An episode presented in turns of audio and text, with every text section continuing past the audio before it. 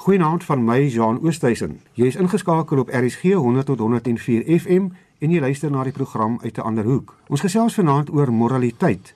Wat beteken moraliteit? Waar kom dit vandaan? En moet 'n mens noodwendig gelowig wees of aan een of ander godsdienst behoort om 'n morele lewe te leef? My twee gaste is die filosoof professor Anton van Niekerk, professor in filosofie aan die Universiteit Stellenbosch en die paleontoloog Dr. Yuri van den Heever, ook verbonde aan die Universiteit Stellenbosch. Goeienaand Yuri, baie welkom aan jou. Goeienaand Anton, Jan en luisteraars. Goeienaand Anton, welkom aan jou ook. Genaamd Jan en Yuri. Anton en Yuri, moraliteit kan kortliks beskryf word as die kuns om met liefde en trou teenoor jou medemens te handel. Met ander woorde om die verskil tussen goed en kwaad of goed en sleg te ken. Ek wil graag hê julle moet net eers kortliks vir die luisteraars vertel wat is julle definisie van moraliteit? Anton, kom ek begin so by jou. Hoe sien jy moraliteit vanuit 'n filosofiese hoek of van jou hoek? Sonder om nou in te gaan waar dit vandaan kom, ons kan dalk later daarby kom. Goed, dankie Jan. Ek werk met 'n heel spesifieke definisie van moraliteit. Moraliteit verwys in die eerste plek na 'n verskynsel wat ons opmerk in die samelewing. Die verskynsel naamlik dat mense en dit is universeel, dis 'n die interessante ding. Dit gebeur by alle mense waarvan ek weet dat hulle bereid is om hulle gedrag te onderwerp aan verskoon die woord wat ek gaan gebruik aan 'n behoorenseis. daarmee bedoel ek die eis om te behoort, dat jy die behoort vraag kan vra om dan hulle gedrag. Is wat jy doen reg of verkeerd of is dit goed en kwaad? En dit is interessant dat dit universeel by alle mense voorkom. Ek onderskei moraliteit van die begrip etiek. Etiek is 'n intellektuele aktiwiteit. Dit is 'n aktiwiteit waarin jy op 'n meer intellektuele vlak vra. Nou wat is presies die verskil tussen reg en verkeerd in terme van watter teorieë kan jy uitmaak wat is reg en verkeerd? Yuri,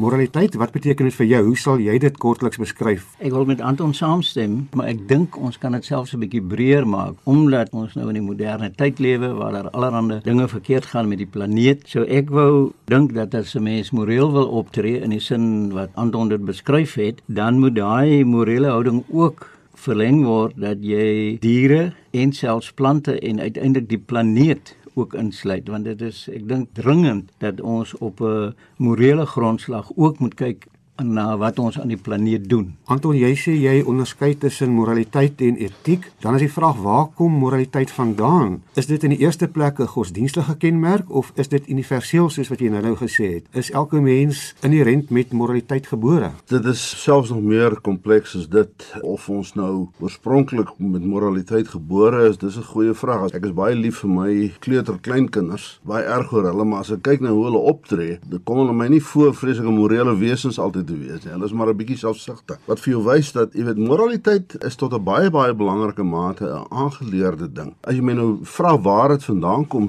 is aangetrokke tot die teorie wat sê dat eh, moraliteit is nie iets wat in eerste plek 'n goddelike oorsprong het nie, of selfs die uitkoms is van ons morele intuïsies nie, van ons algemene menslike gewete nie. Dit is twee teorieë wat baie sterk figureer. Ek sou sê moraliteit is die uitkoms van uh, een van twee goed of ons is geneties gekodeer met die besef dat dit is in ons eie belang om op 'n manier teenoor mekaar op te tree wat mekaar nie vernietig en verwoes nie en dat daai kodering het versterk geword soos wat die geskiedenis verloop het want mense het agtergekom dat as hulle dit volg dan het hulle 'n beter kans om te oorleef. Dis of dit lê heeltemal op die genetiese vlak of miskien eenvoudiger as 'n mens dink aan die model van die Engelse filosoof John Hobbes wat gesê het dat in ons natuurlike staat is die mens vir die mense wolf gewees. Die situasie in die samelewing was 'n oorlog van almal teen almal. En uiteindelik het mense begin besef dat eers as hulle hulle gedrag onderwerp aan reëls en as hulle begin bekommerd raak oor hoe hulle teenoor mekaar optree, dan het hulle 'n kans op oorlewing. Ek weet nie of sommige mense dit sal beskou as 'n negatiewe konsepsie oor die oorsprong van moraliteit nie. Ek sou graag wil uitbrei oor die vraag hoekom het moraliteit nie wat my aanbetref 'n goddelike oorsprong nie. Ek weet nie of aan nou tyd ons gaan kom ons kom ons kan later terugverlaat. Ek wil graag Maar ek dink laat ek maar nog eers hiermee volstaan.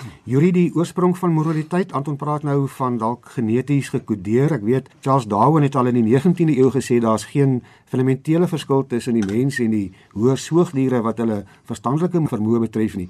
Is moraliteit uniek aan die mens of het diere ook morele waardes? Waar kom dit vandaan? Komplekse vraag en daar is aanduidings dat van die hoër primate alhoewel hulle nie moreel optree nie, miskien die begin het van hierdie soort optrede. Daar's gevalle byvoorbeeld van sjimpansees in dieretuine wat verdrink het in 'n poging om lede van die trop te red wat in uh, moeilikheid geraak het in die water. So hulle het juis hulle lewe gegee om 'n ander een te red. Daar's uh, reuse ape wat in eksperimente waar hulle um, elektriese skok gekry het of liewer waar 'n elektriese skok toegedien is aan 'n ander aap as die een wat nou in die eksperiment is as hy nou voedsel geneem het om te eet en dan het so aap homself vir 'n paar dae verhonger klaar blyklik om nie die ander ape te laat skok nie nou ek ek sal eers wees om te sê dat 'n mens nie moet 'n menslike gedrag inlees in dieregedrag nie. Maar daar's nogal belangrike werk gedoen in die verband. Dit is redelik so dat die kognitiewe vermoëns van mense is voorgeselekteer, terwyl die aanleiding is dat ons nie kan sê dit daar is geselekteer vir moraliteit nie, maar met die ontwikkeling van die brein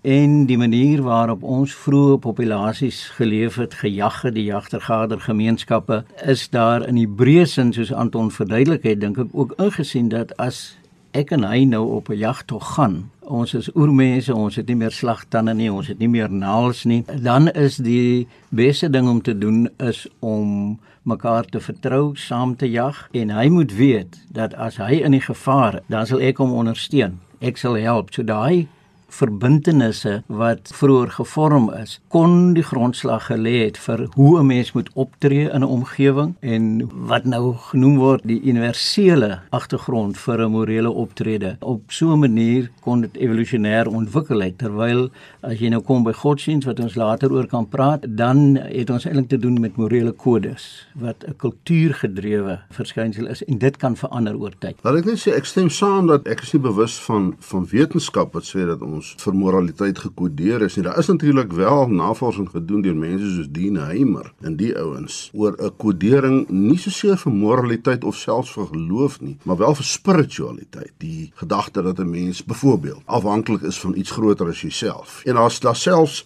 gene geïdentifiseer waarop daai goed loop. Verder is ek geïnteresseerd in wat Julie sê oor die moraliteit van diere. Ek stem heeltemal saam dat ons 'n belangrike morele verpligting teenoor die natuur, teenoor die aarde, teenoor diere, om egter te sê dat diere self morele gedrag het. Daar sit heel besmoontlik iets in, maar ek sou tog steeds wil sê in die geval van mense is die reaksie wat jy kry op immorele gedrag is blame, blame in Engels. Terwyl ek weet nie heeltemal of dit altyd sin maak om dit jy weet as 'n as 'n as 'n hond 'n kind byt uh sonder dat hy geprovokeer is of jy die hond daarvoor moet blameer in 'n sin wat vergelykbaar is waarin jy die kind sal blameer as hy baie onaardig optree teenoor sy boetie of sy sussie. Ek persoonlik is onseker in my eie gemoed oor die mate waarin dit sin maak om die begrip moraliteit toe te skryf aan die gedrag van diere. Hierdie hierdie empatie, die saamvoel met ander is die grondslag by alle morele optrede. En ons sien nou ons sien dit net by primate nie, maar soos wat Anton nou sê selfs by honde onder mekaar en ook teenoor hulle eienaars. Kan 'n mens dit ook moraliteit noem of is dit iets anders? Jan, ek wil dadelik saamstem dat mense nie te veel hierin moet lees nie, maar as ons dink aan die ander kenmerke van mense wat evolusionêr ontwikkel het en by ons in verskillende maniere groot uiting gevind het, dan sien jy al die begin daarvan by ander diere en ek dink dit is hoe mense die kwessie van moraliteit ook moet lees. Daar is aanduidings wat mense laat dink dit spesifieke kerels soos Frans de Waal wat jare daaraan gespandeer het. En as 'n mens nou na gevalle kyk soos olifante wat rond staan by gestorwe lid van die trop en dan duidelik ontsteld is. Nou ons lees nou ons eie gevoelens daarin, maar hoekom sal olifant nou staan vir dae so lyk besoek die slagtande uittrek en neersit daarlangs, dan begin jy dink dat van die hoër soogdiere selfs al aan sulke goed dink. En natuurlik nou onlangs het ons met die fonds van Homo naledi die uh, besondere interpretasie gekry van Lee Burger en sy span dat die 15 individue in die grot daar geplaas is. Nou hulle praat nog glad nie van begrafnis nie. Hulle praat van uh, in hulle taal van deliberate disposal sodat hierdie gestorwenes nou spesifiek in die amper ontoeganklike grot gesit is. Dis pikdonker daar binne. Uh, hulle moes lig gehad het en dit is 'n vorm van homo wat 'n baie klein brein nog het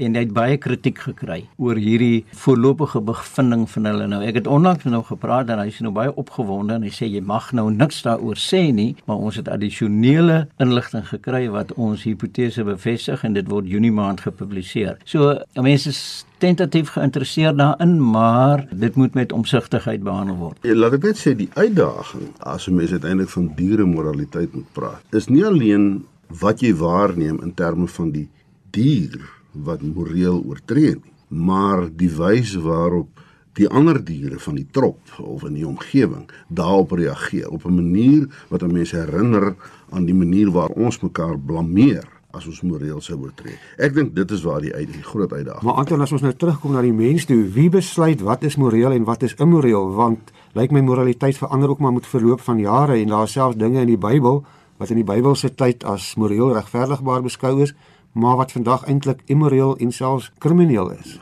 John, ek dink jy daar kan enige twyfel oor wees dat ons in die in die geskiedenis 'n verskynsel sien wat ek uh, by gebrek aan 'n beter woord wil noem morele groei. Dit is net eenvoudig so dat soos wat die geskiedenis verloop het, het morele oortuigings verander. Selfs in die tyd van die Bybel was uh, 'n uh, verskynsel so slawerny, hoewel dit nie noodwendig goed gepraat is nie, is nie geblameer nie. Is dit Paulus wat vir Onesimus terugstuur na sy baas Filemon in die Nuwe Testament? Onesimus is nou 'n Christen, maar hy hy moet weer gaan werk vir sy baas, die baas-slaafverhouding. En dit geld vir baie as jy dink aan ons houding ten opsigte van die posisie van vroue. Ek lees nog 'n graf van die goeters van Winston Churchill. Hy was in sy tyd hier, ek praat nie van rondom die Eerste Wêreldoorlog, baie progressiewe tipe van denker. Selfs hy hy skryf die gedagte dat vrouens universiteit kan gaan is tog 'n absurde een. Kort antwoord op jou vraag is moraliteit is die uitkoms van ooreenkomste wat maar van tyd tot tyd aangegaan word. Eh, ek hou van die uitdrukking progressive settlements, hoe sal mense dit in Afrikaans sê? Progressiewe afsprake. Die Suid-Afrikaanse grondwet is 'n leidinggewende dokument ten opsigte van morele oortuigings, maar dis 'n afspraak wat op 'n sekere tyd gemaak word en niemand sê dat dit geld vir tyd en ewigheid nie. Dit kan verander. Jy is ingeskakel op RSG 100 tot 104 FM en luister na die program uit 'n ander hoek. My naam is Johan Oosthuizen en my gaste is die filosoof professor Anton van die Kerk en die paleontoloog Dr. Yuri van den Heever. Ons gesels vanaand oor moraliteit en waar dit vandaan kom.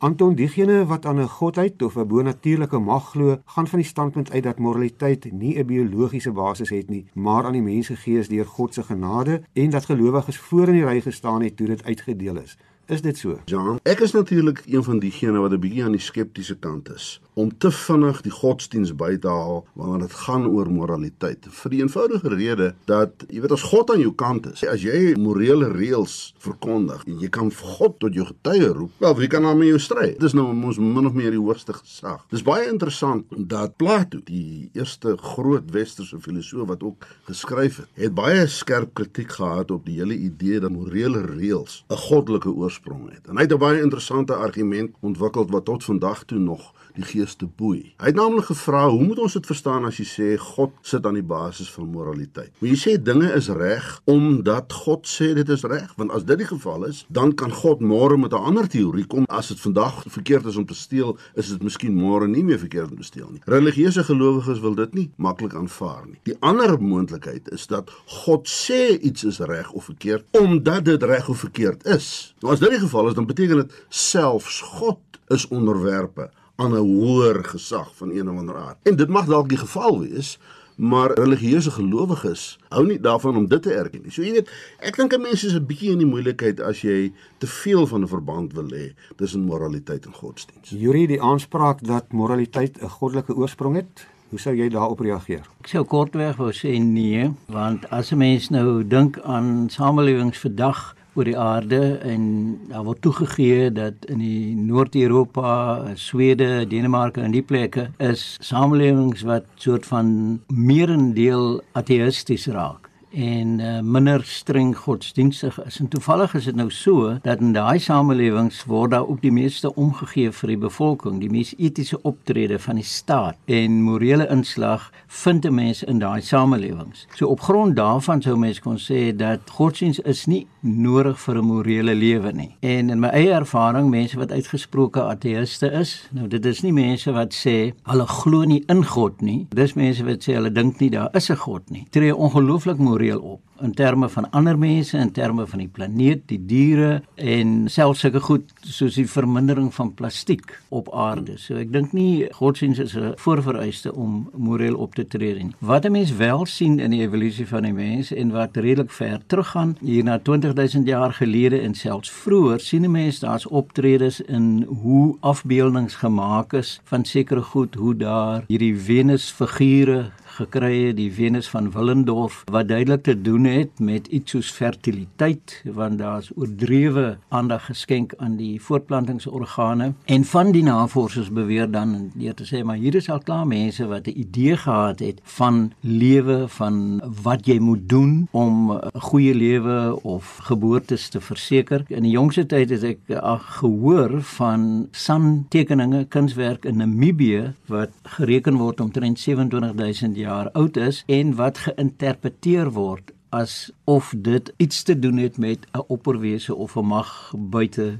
die mens. So ek dink dit het 'n lang aanloop gehad want oormense dink ek sou beïndruk gewees het met die omgewing, die onverklaarbare goed in die omgewing, die donderweer, reën en blitse en die soort van goed. So ek dink dis 'n natuurlike ding om dan 'n vrees daarvoor te ontwikkel wat dan later omgesit is in aanbidding. Anton, jy het vroeër gesê jy is versigtig om moraliteit aan godsdienst te koppel en die skrywer Arthur Clarke het gesê die grootste tragedie in die geskiedenis van die mensdom is dat moraliteit deur godsdiens gekaap is. Is moraliteit deur godsdiens gekaap en is dit iets waarvoor mens versigtig moet wees? Ja, wel kaap is 'n baie sterk woord. Jy weet dit beteken dat waar ook al religieuse mense gebruik maak van morele kategorieë, daar loop die dinge net eenvoudig skeef. Ek dink dit is waarskynlik 'n oordrewe soort van 'n punt om te maak. Ek wil nie sê dat daar nie 'n baie belangrike invloed uitgegaan het vanuit wêreldgodsdienste op die ontwikkeling van waardesisteme nie. En laat ek ook net daarby sê, dit is natuurlik interessant